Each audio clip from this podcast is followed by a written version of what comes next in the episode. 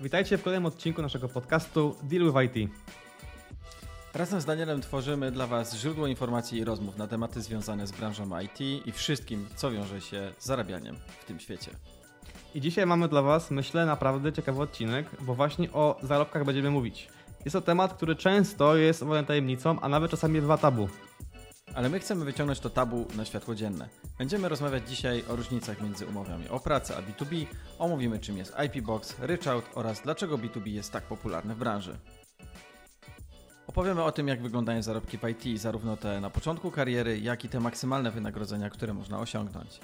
Omówimy też kilka raportów, które znaleźliśmy w internecie na temat tego, jak aktualnie właśnie wyglądają standardy przeciętne, niskie, wysokie zarobki i formy rozliczeń w IT. Zapraszamy do wysłuchania najnowszego odcinka Deal with IT. Cześć, dzień dobry, witajcie w kolejnym odcinku naszego podcastu. Dzisiaj porozmawiamy o temacie, który zawsze rozgrzewa wiele osób, jeżeli nie wszystkich, e, a mianowicie o zarobkach. Pomówimy o zarobkach w branży IT, głównie dla tych osób nietechnicznych, ale pokazując e, bardzo wysokie stawki, zapewne też poruszymy tą kwestię wynagrodzeń u osób technicznych, czyli głównie programistów i architektów. Mm, Zanim jeszcze zaczniemy, to chcieliśmy bardzo serdecznie podziękować za niesamowity wystrzał i ogromną ilość subskrypcji, którą otrzymaliśmy w ostatnim, ostatnich dwóch tygodniach. E, wszystko dzięki łasce algorytmu YouTube'a. Tak naprawdę za chwilę dobijemy do tysiąca subskrybentów, także wielkie dzięki dla każdego, kto zasubskrybował kanał. Dzięki za wszystkie łapki w górę. Mega dzięki za wszystkie komentarze, bardzo je doceniamy. Fajne dyskusje się pod tym odcinkiem, który ostatnio nagrywaliśmy, pojawiły. Mm, no i cóż, a nagrywaliśmy o kryzysie w IT oraz kolejny odcinek nagrywaliśmy o narzędziach yy, dla juniorów i w tym, jak AI może być jako narzędzie traktowane. Więc jeżeli te materiały Was mogą zainteresować, a ich nie widzieliście, bo to jest powiedzmy pierwszy filmik, który widzicie od nas, zapraszamy, żeby wejść na nasz kanał i zajrzeć na ten filmik, o którym właśnie Mateusz mówi. Oraz jeżeli jeszcze nie macie subskrypcji pod naszym kanałem, to również bardzo prosimy, żeby ją zostawić, bo mega nas to motywuje, żeby tworzyć kolejne treści. Tak, na sam początek chcielibyśmy wyjaśnić kilka takich pojęć i technikaliów, a jakby wykazać, e, jakie są w ogóle sposoby zatrudnienia w branży IT. No i te dwa podstawowe, które wyróżniamy, to jest umowa o pracę i tak zwane B2B. Na pewno się spotkaliście, a jak nie, to próbując e, wejść do branży IT, na pewno się z tym spotkacie. No i umowa o pracę to jest taka oczywista sprawa. E, każdy z nas chyba wie, jak to funkcjonuje. E, w przypadku studentów i osób, które dopiero zaczynają, możliwe są jeszcze takie rzeczy jak umowa zlecenie na przykład, ale, ale tym się dzisiaj zajmować nie będziemy, bo mm, e, nawet jeśli to, to wiele się nie różni od umowy o pracę, poza tym, że składki są niższe i całość trafia do Was.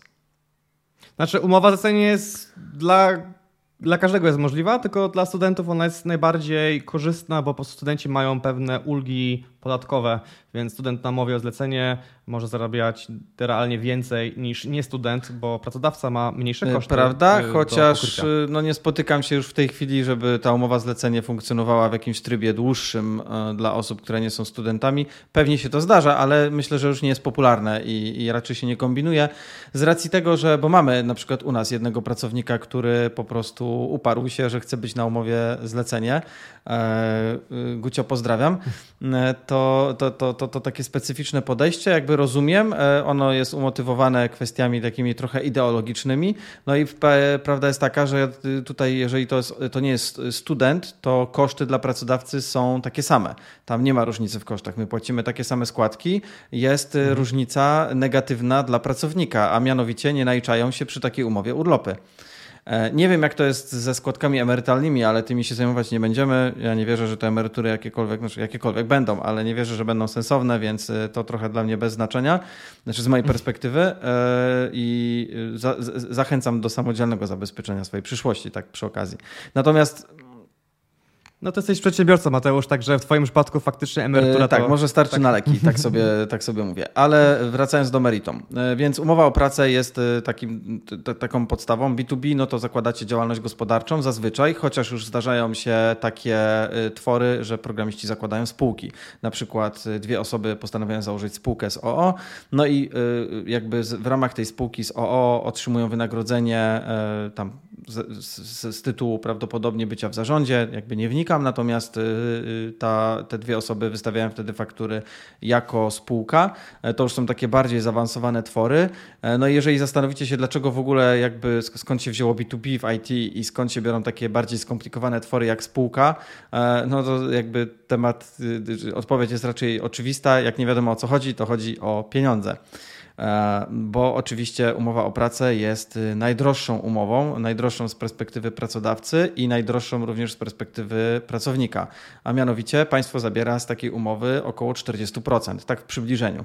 E, bo to oczywiście zależy, czy w jakim ktoś jest progu, w tej chwili po nowym ładzie, nowym, nowym, nowym ładzie, tam jeżeli ktoś ma kwoty e, niższe, nie pamiętam już jakby jaka tam jest wartość, ale jeżeli ma te niższe wynagrodzenia, czyli powiedzmy, że jest na początku swojej kariery zawodowej, to to, to faktycznie te składki są mocno obcięte i na przykład nie płaci się podatku, albo on jest bardzo niewielki. Natomiast jeżeli już zakładamy, że jest to ktoś, kto pracuje na stałe, już jakby zarabia powiedzmy jakąś tam średnią krajową przynajmniej, e, no to, to tak naprawdę około 40% z tego, co płaci pracodawca, e, ląduje w kasie państwa i nie ląduje w waszej kieszeni.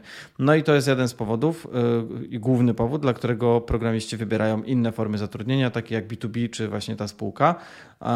I jeśli chodzi o B2B, to tutaj mamy kilka mm, możliwości rozliczenia się. I tak jak wspomniałem, na umowie o pracę to jest 40%, a na B2B, e, Daniel, mamy opcje e, w tej chwili trzy takie podstawowe. E, to jest IP Box, to jest Ryczout, no i ewentualnie bardzo nieopłacalna skala lub po prostu podatek liniowy. I zdaje się, że ty jesteś tak? To może jeszcze ma mały disclaimer, Mateusz, zanim, zanim zabrniemy zbyt głęboko, bo oczywiście to są tematy, które nas bardzo interesują i o tym lubimy mówić, natomiast nic, co tutaj mówimy, co usłyszycie, nie jest żadną poradą finansową, podatkową, ani, ani prawną. To są tylko i wyłącznie rzeczy, o których my wiemy, bo je widzimy i obserwujemy, słyszymy. Niektóre z nich też po, jakby praktyki po, powielamy, ale jeżeli coś Was zainteresuje, to rekomendujemy, żeby to zgłębiać na własną rękę, potencjalnie nawet z jakimś A raczej z radcą podatkowym. podatkowym czy, ja sam skorzystałem z takiej usługi osobiście jakby dla swojej mhm. działalności. Też wystawiam faktury spółce właśnie przy Nowym Ładzie. I e, nawet sami zachęcaliśmy pracowników, daliśmy tam taką opcję, że, że finansowaliśmy te, te doradztwo y, z, z, jakby z doradcą. Y, ty zdaje się też skorzystałeś z takiej usługi i w tej chwili system podatkowy w Polsce jest tak skomplikowany, tak, tak niejasny, tak, tak, tak trzeba wejść w niuanse i detale, że jeżeli nie znacie się na tym i już nie pracujecie, jakby nie, nie macie rozeznanych tych podatków, to faktycznie skonsultujcie się z doradcą podatkowym. To jest inwestycja rzędu kilkuset złotych i to raczej małych kilkuset złotych, a może Wam zaoszczędzić bardzo wiele kłopotów w przyszłości, e, ale na starcie przede wszystkim pozwoli dobrać właściwą, najwłaściwszą formę opodatkowania. Bo przykładowo taki IP Box był bardzo popularny i większość programistów z niego korzystała. IP Box powodował, że efektywna stawka opodatkowania e, wynosiła około 5, e, nie około, wynosiła 5%, więc a standardowy podatek liniowy to jest 19. Natomiast różnica jest kolosalna i Y, y, natomiast wymagało to złożenia wniosku o interpretację indywidualną. E, tam trzeba było odpowiednio e, ten wniosek złożyć i skarbówka była taka sprytna, na przykład, że e, kiedy wy zadawaliście pytanie, czy się zaliczacie pod ten IP Box, skarbówka odpowiadała pytaniem, czy wasza działalność to jest właśnie działalność badawczo-rozwojowa. Jeżeli odpowiedzieliście, że tak, no to skarbówka wam przyznawała, ale później mogła przyjść na kontrolę i stwierdzić, że no ale to wy oświadczyliście, że to jest taka działalność, a oni tego nie stwierdzili. I to jest bardzo tricky, y, y, a mówiąc po polsku, jest to podchwytliwe i trzeba bardzo uważać, więc y, w ogóle pojawiło się na rynku mnóstwo firm wyspecjalizowanych w organizowaniu takiego wniosku. Z tego co wiem, to już IP Box nie jest tak popularny. E, tam pojawiły się dodatkowe komplikacje, to wszystko chyba stało się mniej jasne i klarowne. I z tego, co obserwuję, to sporo programistów przechodzi obecnie programistów, i, a już szczególnie, bo właśnie IP Box to w ogóle była opcja opodatkowania skierowana tylko do osób technicznych, tych, które wytwarzają kod, natomiast y, nie dało się, a przynajmniej nie było to popularne, E, to chodziło o tak, prawa, prawa autorskie, autorskie, nie? I właśnie taką działalność badawczo-rozwojową, to bardziej szło w tę stronę. E, natomiast e, jakby osoby nietechniczne, no, no nie bardzo mogły z tego skorzystać. Więc dla nich, jak, a, a zakładam, że głównie słuchają nas osoby nietechniczne, dla nich sensowną opcją jest w tej chwili ryczałt. Natomiast tutaj również jest zalecane, żeby złożyć wniosek o interpretację indywidualną, dlatego odsyłamy do doradcy podatkowego. No, ale jeżeli chodzi o już stawki, to Daniel przypomnisz, jakie mamy dwie dwie podstawowe stawki? Tak, dwie podstawowe stawki, znaczy są trzy stawki na, na ryczałcie, z tego co wiem, jest 8, to jest może nawet więcej, ale generalnie w IT uznawane z tego co wiem e, są trzy główne, 8,5%, 12% i 15%. Te procenty to jest krótko mówiąc e, wielkość podatku, jaki trzeba od faktury zapłacić. Czyli jeżeli mamy jedną fakturę albo wiele faktur, nieważne, suma miesięcznego przychodu netto i od tego właśnie liczymy ten procent, który musimy oddać w formie podatku. A netto to też jest ważny element, który sobie możemy zdefiniować, bo też nie każdy o tym musi wiedzieć. E, kwota netto to jest nasz miesięczny przychód pomniejszony o wartość podatku VAT. Podatek VAT to jest drugi podatek, no bo my jako przedsiębiorcy y, na B2B y, płacimy dwa podatki właśnie. Podatek dochodowy czy to jest to właśnie 12%, 15%, zależy jaką mamy formę. To jest podatek oraz przychodowy w tym momencie, VAT, nie? Czyli, czyli, czyli zryczałtowany. Tak, przeda, przychodowy. Mhm. Oraz po prostu podatek VAT, który nie wiem, czy ma jakąś inną nazwę niż po prostu VAT.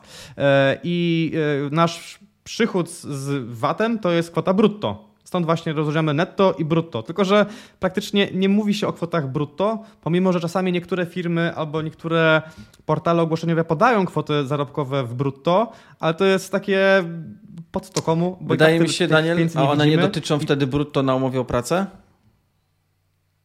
Też, y, nie, tak, tak. Y, przy umowie o pracę widzimy kwotę brutto. Y, tylko też to trochę nas mało interesuje, no bo nie widzimy tych pieniędzy. No, finalnie na konto dostajemy kwotę netto, więc to jest też takie trochę po co ta, komu ta informacja. Na, natomiast zazwyczaj e, przelicza się tak, że, że kwota brutto z umowy o pracę jest kwotą netto na B2B. Tak. E, nie zawsze oczywiście. To Też nie zawsze, bo, e, bo, bo, są ogłoszenia, że i takich jest w sumie nawet sporo, jak ostatnio robiłem research, że sporo ogłoszeń B2B ma kwotę netto wyższą niż ta sama wersja dla kwoty brutto na umowę pracy. Może to wynikać z tego, że... uznaje się, że... Mhm, sorry, mów, mów. A, że, że brutto brutto, tak? Z tym dodatkowym tak, kosztem tak, pracodawcy? Tak, to chciałem poruszyć. Okej. Okay. E, bo tak, to, tak. To, to, przy... no tak, no bo jeszcze jest kwota brutto brutto.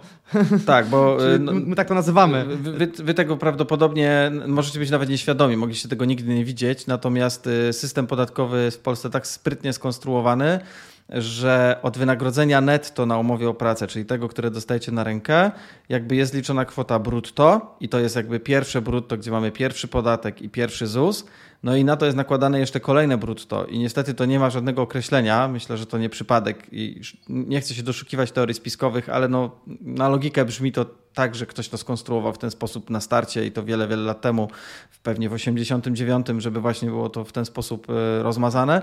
Więc jakby mamy jeszcze kwotę ZUS-u i składę e, i podatku po stronie pracodawcy, więc de facto E, jakby ta umowa jest opodatkowana z dwóch stron, od strony pracownika i pracodawcy. Oczywiście wszystkie te podatki i tak płaci pracodawca w waszym imieniu, natomiast od strony formalnej część podatku, czyli to pierwsze brutto to wy płacicie, a drugie, drugą część podatku płaci pracodawca. Yy, I dlatego te kwoty, które często podajecie, yy, odczytacie jako brutto, to wcale nie jest całkowity koszt pracodawcy. Tak jak mówię, całkowity koszt na umowie o pracę to jest przeciętnie 40% plus 40% do tego, co dostajecie netto na rękę. Więc jeżeli widzicie na ogłoszeniu, że ktoś proponuje wam 6 tysięcy na rękę netto, no to tak naprawdę de facto jego całkowity koszt obsługi waszej umowy to będzie gdzieś w okolicach 10 tysięcy złotych e, miesięcznie. Są w internecie takie kalkulatory wynagrodzeń i zachęcamy do korzystania z nich. E, chyba wynagrodzenia.pl jest taki portal, to ja z tego najczęściej korzystam. I jak e, chcecie wiedzieć, jakie są całkowite koszty waszej umowy, to tam jest zazwyczaj taka opcja, żeby zaznaczyć całkowite koszty pracodawcy lub pokaż kalkulator pracodawcy.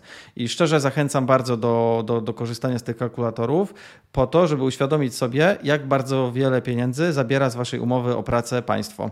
To tutaj y, takie, takie moje prywatne, libertariańskie y, jakby cechy się uruchomiły.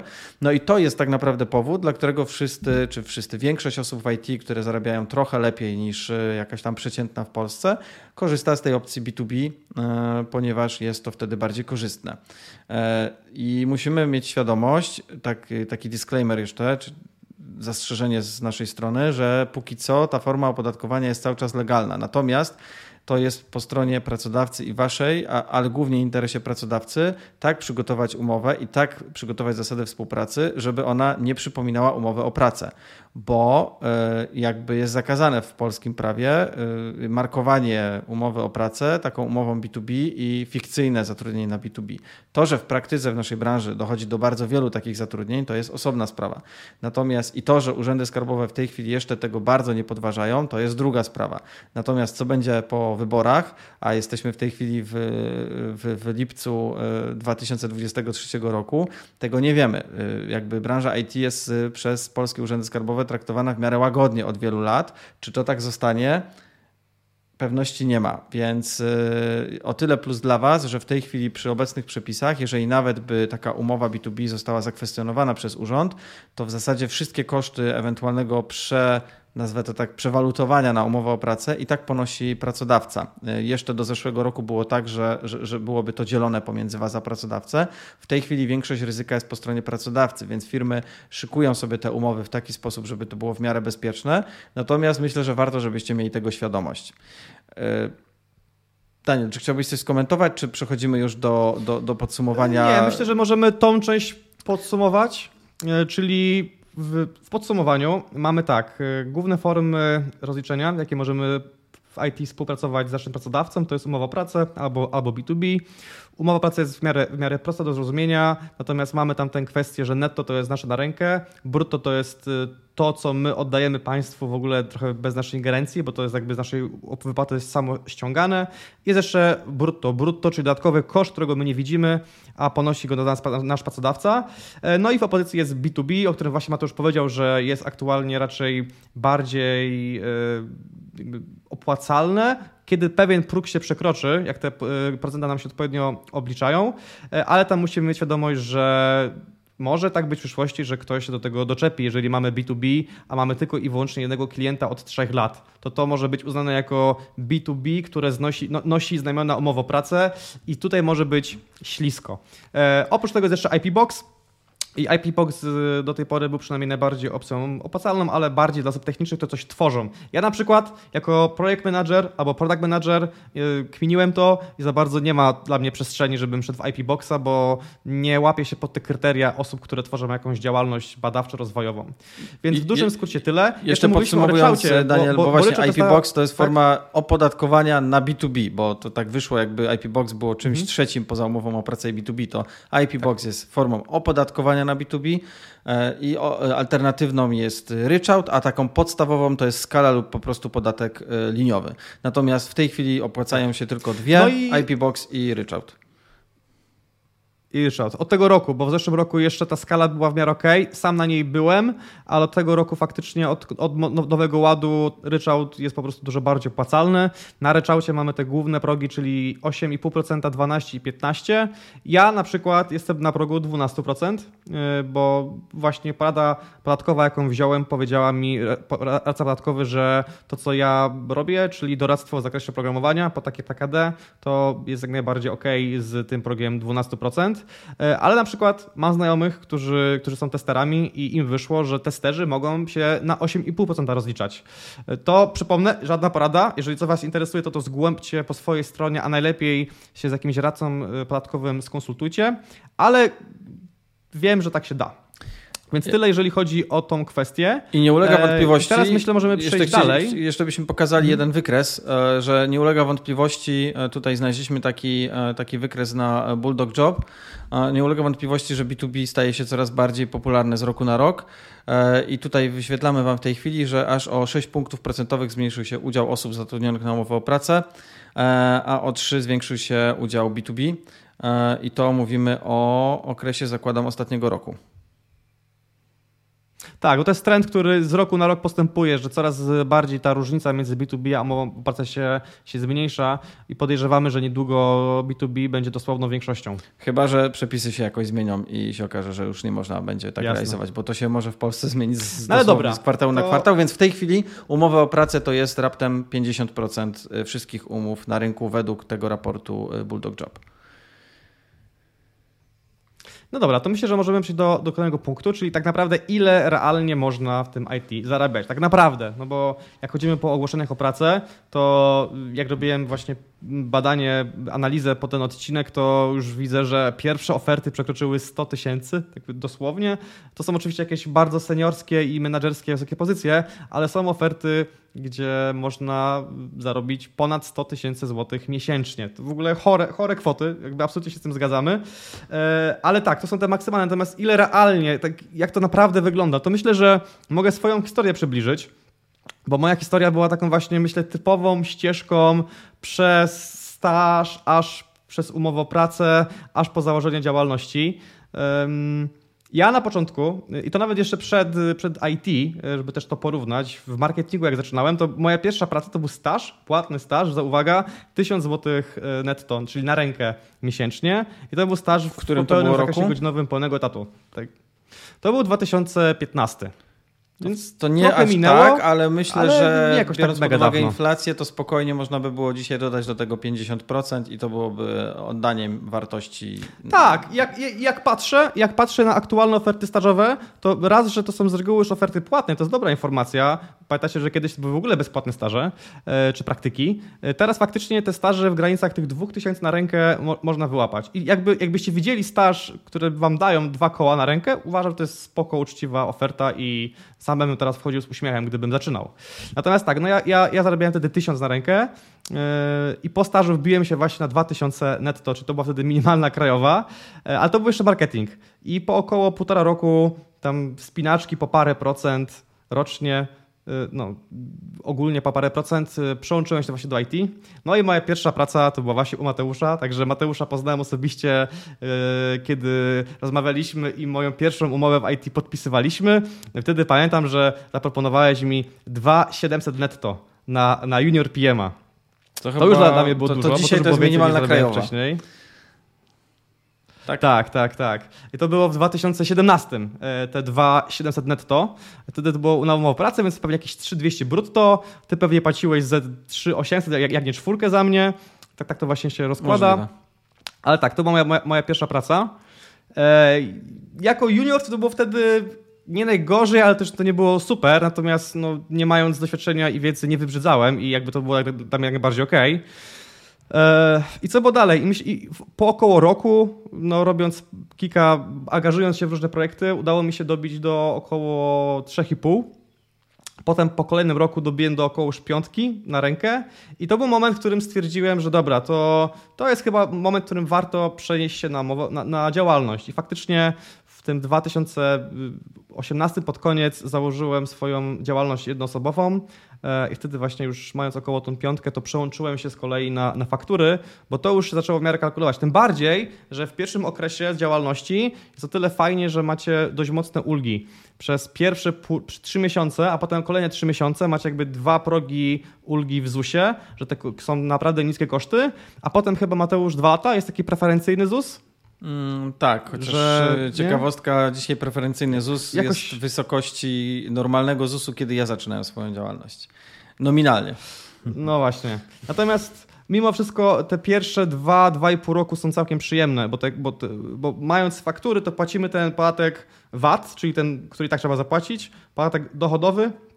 Do tego jeszcze płacimy ZUS, E, no i oprócz tego jeszcze nie musimy, ale no rekomenduję mieć jakoś swoją księgowość, no to już tam jest koszt najniższy. Więc y, tak, w tym momencie po około dwóch i pół roku, kiedy udało mi się podwoić swoje pierwotne zarobki, to, to wbiłem się na właśnie B2B. E, I po około czterech latach w branży, jako PM, dołączając do NetGuru, dołączyłem do NetGuru na stanowisko seniorskie i wtedy o tym mogę mówić, bo widełki NetGuru są publiczne, także to równie dobrze możecie tą informację znaleźć wchodząc na, na naszą stronę. E, to wtedy jako senior zaproponowano mi jakby dolne widełki, bo zawsze mamy widełki od do, żeby mieć też zakres, którym możemy awansować i tam to było około 11 tysięcy na fakturę. Więc to nie jest na rękę, bo od tego trzeba jeszcze, tak jak mówiłem, księgowość, ZUS i ten podatek dochodowy, więc tam realnie wychodziło pewnie około ósemki, co już było dla mnie super, czy tam dziewiątki. Natomiast e, tak to się mniej więcej wtedy, to był 2020, 21 e, nawet. E, potem NetGuru podniosło swoje stawki i to tak ogólnie podniosło widełki dla wszystkich pozycji seniorskich, żeby trochę dogonić pozycję na rynku, e, bo te widełki, które ja otrzymałem, no nie były jakieś super preferencyjne względem innych firm, ale na szczęście NetGuru jakby dogoniło jak najbardziej i od tego czasu te dolne widełki wynoszą w tym momencie chyba już około 15 tysięcy na fakturze. E, na umowie o pracę trochę pewnie mniej, czyli tam pewnie 12-13, no bo to jest dodatkowe koszty. Więc realnie myślę, taki PM na poziomie seniorskim, takiej firmy jak NetGuru, myślę, że spokojnie może zarabiać około 9 tysięcy na rękę, 10 to są już takie, myślę, w miarę ok stawki. Ale to przy, przy założeniu bardziej mów o pracę. Natomiast przy założeniu B2B, no to tak już możemy liczyć od 15 w górę. Więc podsumowując, jak to było z moją ścieżką, a dodając trochę inflacji i jesteśmy tu, gdzie jesteśmy, w dzisiejszych czasach dla ról nietechnicznych, takich jak właśnie PM, QA, ktoś inny, inny niż programista, to myślę, że staż za 2000 to jest w miarę spoko oferta i jakby ja bym to brał bez wybrzydzania. Gdybym na, na juniorze otrzymał między te 3 a 6 tysięcy na rękę netto, czy, czyli między 4 a 8 pewnie na fakturze, to jest super, jakby to, jest, to są ok, ok uczciwe pieniądze i nie ma co oczekiwać więcej. Regularzy i midzi myślę, że już mogą spokojnie liczyć na przy umowie o pracę na takie widełki między 6 a nawet 9 tysięcy, na fakturze między 8 a 12, 14. E, a seniorzy to już tak faktycznie powyżej 15 tysięcy na fakturze miesięcznie na B2B, spokojnie, poniżej tego to już raczej się nie spotyka. Więc tak to realnie wygląda, jeżeli chodzi o zarobki, przynajmniej na moim przykładzie. Mhm. Czy coś do tego, Mateusz, chciałbyś no, dodać? Y, warto, jakby znacie już kwoty, natomiast y, y, z mojej perspektywy, obserwując stawki w tej chwili ludzi, którzy trafiają na rynek, ale nie, nie, nie, nie że zaczynają, tylko trafiają, ponieważ zostali zwolnieni. A, tak jak wiecie, jesteśmy w trakcie recesji. Już teraz raczej bym nazwał, jeszcze odcinek temu mówiliśmy o korekcie, obserwując kilka tygodni później, jak sytuacja się rozwija, już określam ją mianem recesji, czyli ten krok dalej. I przypomnę z poprzedniego odcinka, kolejny krok dla mnie to już kryzys. E, taką mam u siebie gradację w, w głowie, e, no to jakby widzę, że stawki trochę spadły. To znaczy, na, na razie raporty, które pokazuje No Fluff Jobs yy, i inne popularne portale, nie wykazują tych spadków, natomiast ja ze swojej praktyki tak obserwuję, że jednak jest spadek wynagrodzeń, on nie jest znaczny i nie dotyczy każdego, bo cały czas nam się trafiają osoby, które chcą zarabiać więcej niż my płacimy, czy płaci średnia. Natomiast obserwując tak ogólnie uważam, że, nas, że dochodzi do spadku wynagrodzeń dla tych osób, które teraz szukają pracy, bo zostali zwolnieni, bo trafiają na rynek, jakby nieważne z jakiego powodu, ale ci, którzy szukają, troszkę, troszkę obniżają te swoje oczekiwania i troszkę, to z moich obserwacji wychodzi około 10-15%, względem tego, jakie były oczekiwania rok temu. No i to jest jakby y, jedna informacja. I druga informacja y, jest taka, że trzeba do tego doliczyć inflację. Więc doliczając inflację, no tak naprawdę myślę, że efektywnie te stawki dla osób, które szukają, spadły gdzieś w okolicach 20-25% względem tego, co było rok temu. To moją teorię, czy moje obserwacje potwierdzają e, znajomi, a w zasadzie znajome e, z e, portali czy z agencji, które zajmują się rekrutacją. Tutaj mam na myśli Workeo i, i mam na myśli IT Leaders ofertowe stawki to jedno, a te realne stawki, które ostatecznie są proponowane i które ostatecznie osoby przyjmują, troszkę się różnią. Więc raporty z ogłoszeń nie wykazują w tej chwili spadku, ale realnie ten spadek y, jednak odnotowany, y, odnotowany jest. No a wynika z tego, że jest więcej osób na rynku pracy niż było i już nie ma takiego y, zapotrzebowania na programistów, project managerów, w zasadzie na wszystkie role w IT. Okresowo i w danych miejscach punktowo ono się pojawia, ale już nie ma tak zwanego, mówiąc kolokwialnie, ssania na rynku, że po prostu bierzemy i łapiemy każdego, tak jak to miało miejsce dwa lata temu, trzy lata temu, czy jeszcze nawet w sumie rok temu. Już kończyło się, ale jeszcze, jeszcze, jeszcze się zdarzało. Mm, też widzę, Daniel, że przygotowaliśmy sobie y, przeciętne zarobki w IT z No Fluff Jobs. Y, co, możemy je wyświetlić chyba? Tak, bo możemy, możemy też ogólnie porównać, więc jeszcze na razie mówimy o tym bajce IT. To wszystko brzmi jak, jak, jak i tak duże kwoty, więc absolutnie tutaj nikt z nas nie narzeka. Ja się bardzo cieszę, że jesteśmy w takim miejscu i ta branża jest tak, no, umówmy się, dobrze płatna, bo też pamiętajmy, że minimalna krajowa w momencie, w którym to nagrywamy, czyli w lipcu 2023, to jest 3600 brutto, co daje niecałe 2800 netto. To jest minimalna. Więc jeżeli mówimy sobie, że no minimalna krawa to jest 2,8 netto, a taki powiedzmy senior, senior, no, zwał jak zwał, osoba z około 5-letnim doświadczeniem w IT już może zarabiać czterokrotność tego, no to ale to są jakby realne stawki, więc tak faktycznie się dzieje. Natomiast yy, pamiętajmy też, że poza minimalną krajową jest jeszcze średnia krajowa. I średnia krajowa jest oczywiście wartością bardzo kontrowersyjną, bo ciężko jakby ją do, dobrze uargumentować, ale no jest jakaś oficjalna i z tego co wyczytałem, to przynajmniej mniej więcej to jest 7,5 brutto na umowę o pracę, co daje niecałe 5,5 netto. Więc mimo wszystko tak czy siak, nawet przy średniej krajowej i tak osoba z około 5-6-letnim doświadczeniem w IT już może liczyć na dwukrotność tej średniej krajowej. I mówimy to tylko po to, żeby zdementować plotki, że to może być, nie wiem, czterokrotność, bo aż tak to nie, ale też faktycznie. Może no, być, ale nie jest przeciętną. Tak, tak, na, to możemy, na, na to możemy. Tak, oczywiście. Przeciętnie po prostu możemy liczyć na mniej więcej taką dwukrotność przy takim właśnie poziomie doświadczenia około tych pięciu lat. Bo od pięciu lat to już faktycznie można mówić o w miarę seniorskim doświadczeniu, jeżeli się jakąś konkretną działką te 5 lat zajmujemy. Tak to przynajmniej było w moim przypadku. No, ja pracowałem przez 4 lata, do, zanim nie trafiłem na pozycję seniorską i na taki poziom widełkowy się wbiłem, więc y, tak. I teraz to możemy porównać z tym, co Wam teraz pokazujemy. Czyli teraz pokazujemy dane z No Fluff Jobs, z raportu tego, tego, tego portalu pracy. I ten portal pracy wskazuje dwie ciekawe informacje, że z jednej strony y, widełki dla B2B, takie średnie, to jest między 16300 a 23 miesięcznie, z medianą gdzieś w połowie, czyli na poziomie około 19,5 tysiąca. I to są kwoty netto na fakturę.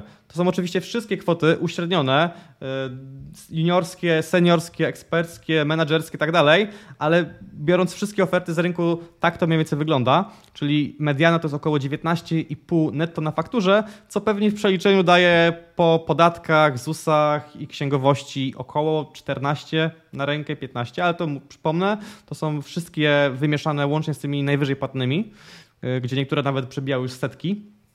A z kolei, jeżeli mówimy o, o, o, mówię o pracę, to tu z kolei kwoty brutto to między 11 a 16 z medianą na poziomie 13,5. E, I takie 13,5 daje nam, tak w głowie licząc, pewnie około 9 na rękę, 10 plus minus. 10 bardziej, bo, bo jakby jeżeli to jest brutto, a nie brutto, brutto, to bardziej 10, nawet 10,500 tak bym, tak no. bym obstawiał. Mhm. Pewnie tak.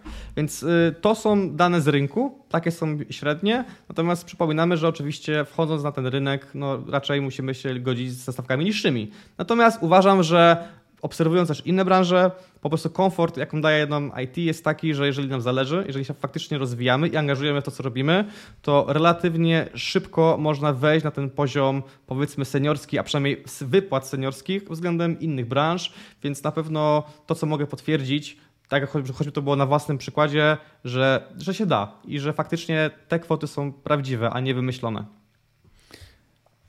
Tak, jeszcze mamy jeden fajny wykres. Tu mam na myśli Daniel, ten ostatni, e, który pokazuje, jak te nasze nietechniczne role plasują się w, w, takich, w takich przeciętnych wynagrodzeniach, jakby na tle innych kategorii czy innych e, specjalizacji w ramach IT.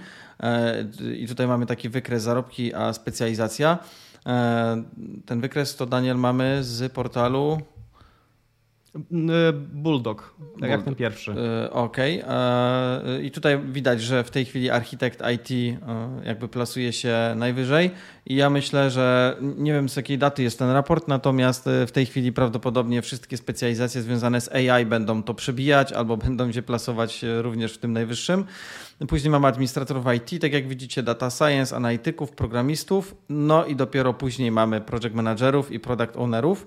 Trochę jestem zaskoczony, że testerzy są poniżej, ale różnica nie jest tak wielka. E, podejrzewam, że, że, że, mhm. że, że, finalnie to, to nawet. Mnie z kolei dziwi, że w tym raporcie brakuje cyber security, czyli osób od bezpieczeństwa, bo z tego co właśnie słyszałem, to architekci, DevOpsi i właśnie cybersec to są takie najbardziej intratne, jeżeli chodzi o finanse, role. Więc jeżeli macie totalnie, że tak powiem, dowolność, w którym kierunku chcecie pójść, to polecamy te kierunki, bo one finansowo są najbardziej no, zyskowne w perspektywie myślę kolejnych 5-10 lat. Oczywiście mając też z tyłu machine learning i AI, ale to już idziemy mocno technicznie, więc nie wiem, czy my mamy prawo się to zagłębiać, my tylko widzimy, że faktycznie takie osoby mogą ładnie zarabiać na rynku i dużo jest ofert pracy na ekspertów w tych dziedzinach. Tak. No i można pomyśleć sobie, czy to jest za dużo. Y, często słyszę głosy, że nam się poprzewracało w tym IT, że tyle zarabiamy, że jak to tak jest, a lekarze, a prawnicy albo policjanci y, za mało. I generalnie ja mam może kontrowersyjną opinię w takim sensie, że nie uważam, że my zarabiamy za dużo w IT, tylko bardziej uważam, że niestety wszyscy nic robią za mało. I jakby tak uważam, porównując trochę poziom życia, koszty i zarobki u nas w Polsce względem po prostu innych krajów. No kurczę, jeżeli, y, jeżeli w innych krajach y, ja mam, zarabiając naprawdę nieźle, uważam, podobny poziom życia jak ktoś, kto ma dużo niżej e, pracę wyspecjalizowaną, ale po prostu zarabia, no nie wiem, w funtach, tudzież w kraju o trochę wyższym poziomie standardzie życia, no to tu jest raczej problem, że, że w naszym kraju po prostu te wszystkie inne zawody, one są zbyt niedowartościowane. Takie jest trochę moje zdanie. Mm, trochę tak jest, no jakby zgadzam się, natomiast y, no jakby wszyscy, którzy pracują poza IT będą mieli duży żal za to, co powiedziałeś, no bo to łatwo się mówi, a w praktyce to po prostu nie działa w Polsce.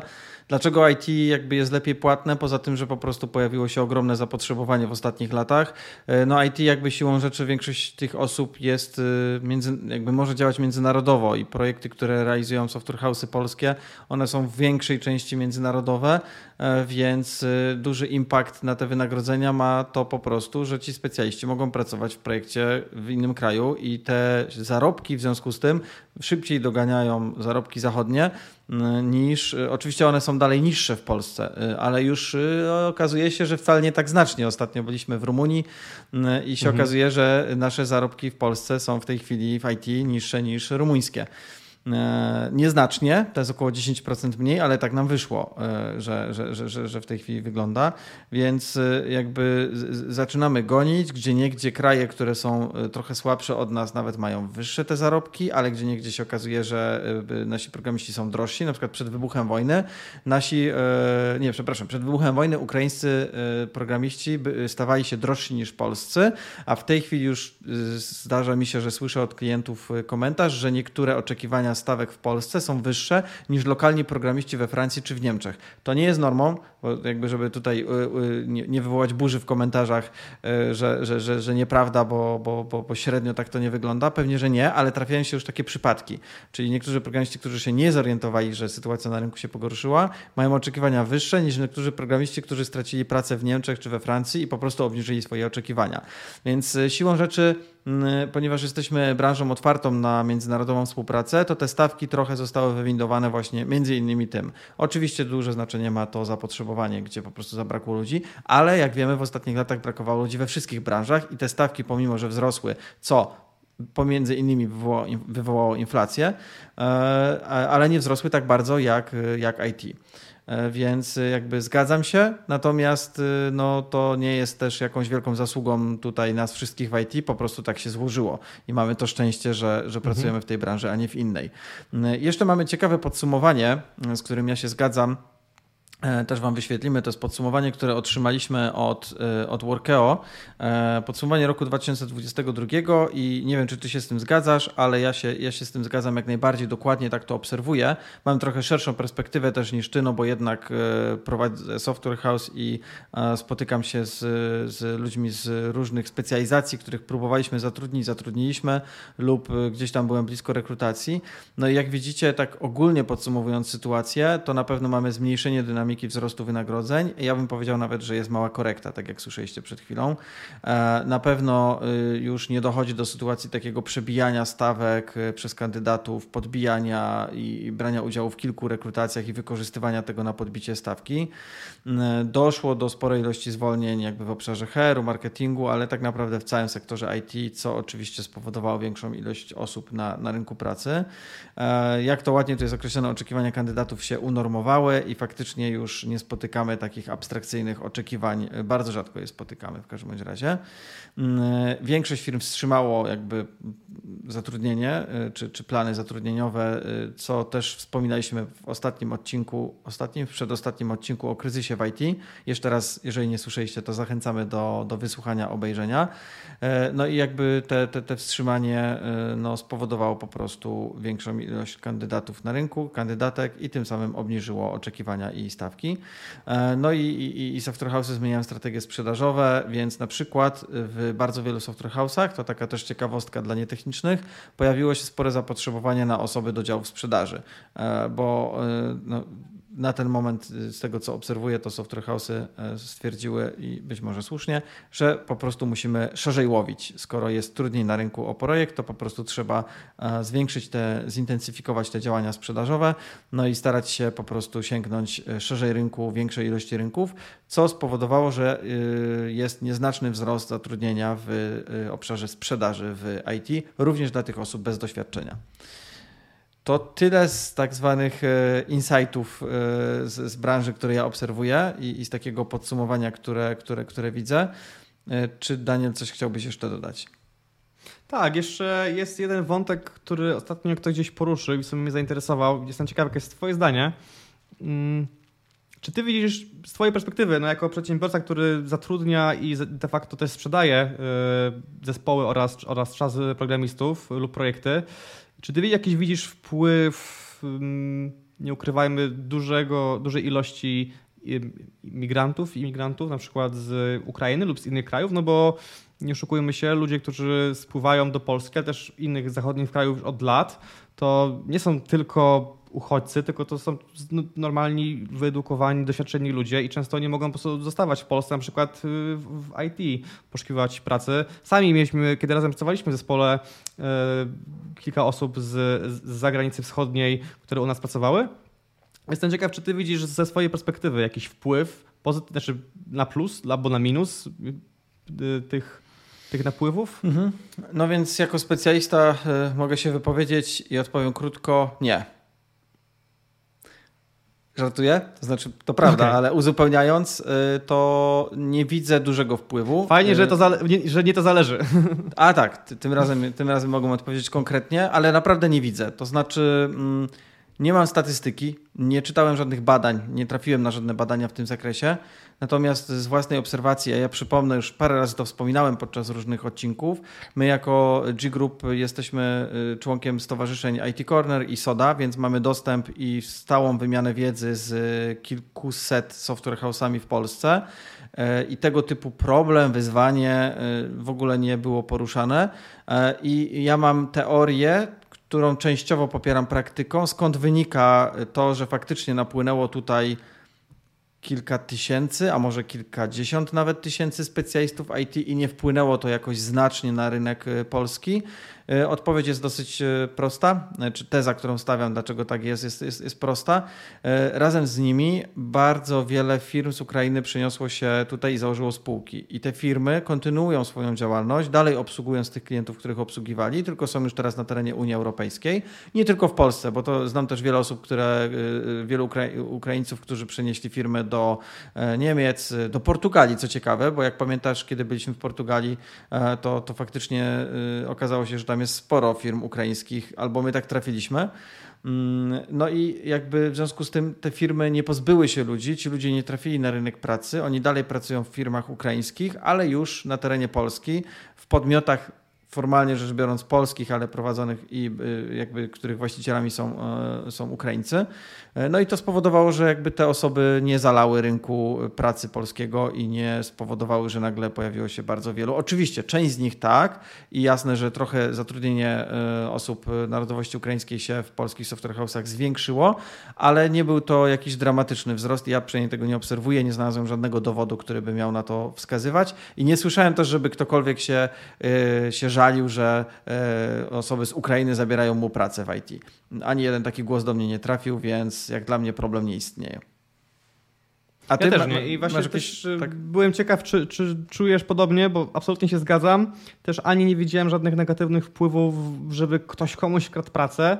Absolutnie nie. Ale też nie widziałem negatywnego wpływu na wynagrodzenia. Typu nagle się zmniejszyły wynagrodzenia, bo, bo firmy wiedzą, że mogą znaleźć tańszych pracowników w formie imigrantów. Jakby to się nie dzieje i to jest bardzo budujące i cieszę się, że masz podobną perspektywę. No dobrze. To Dobrze. Chyba, to chyba myślę, że tyle, na, tyle. na dzisiaj. Yy, tak, zgadzam się. Jeżeli Was interesuje to, o czym mówimy, to oczywiście w każdym odcinku będziemy mówić o czymś innym. Dzisiaj było o finansach w IT, jakie realnie stawki można znaleźć, co jest mniej więcej prawdą, a co, a co, jest, co jest mitem. W poprzednich odcinkach mówiliśmy bardziej o kwestii ogólnie stanu branży, a także o AI. Jeszcze w poprzednich mówiliśmy ogólnie o rolach, jakie możemy w AI, w AI, w IT spotkać, kto co robi, więc jeżeli te materiały Was interesują, to bardzo prosimy o kliknięcie subskrypcji, łapeczki, co tam jeszcze można kliknąć na YouTube, Spotify czy w innym miejscu, w którym nas słyszycie, a na pewno nowe materiały, które staramy się co dwa tygodnie wypuszczać i na razie żadnego, żadnej iteracji nie opuściliśmy, do Was będą docierały. Zapraszamy Również też... Zapraszamy jeszcze na naszą stronę. Tak. Jakoś mamy laga chyba, bo mam wrażenie, że się na siebie nakładamy. To mam nadzieję, że to nie będzie Wam przeszkadzało. Czasem tak się zdarza mm, w zdalnych rozmowach.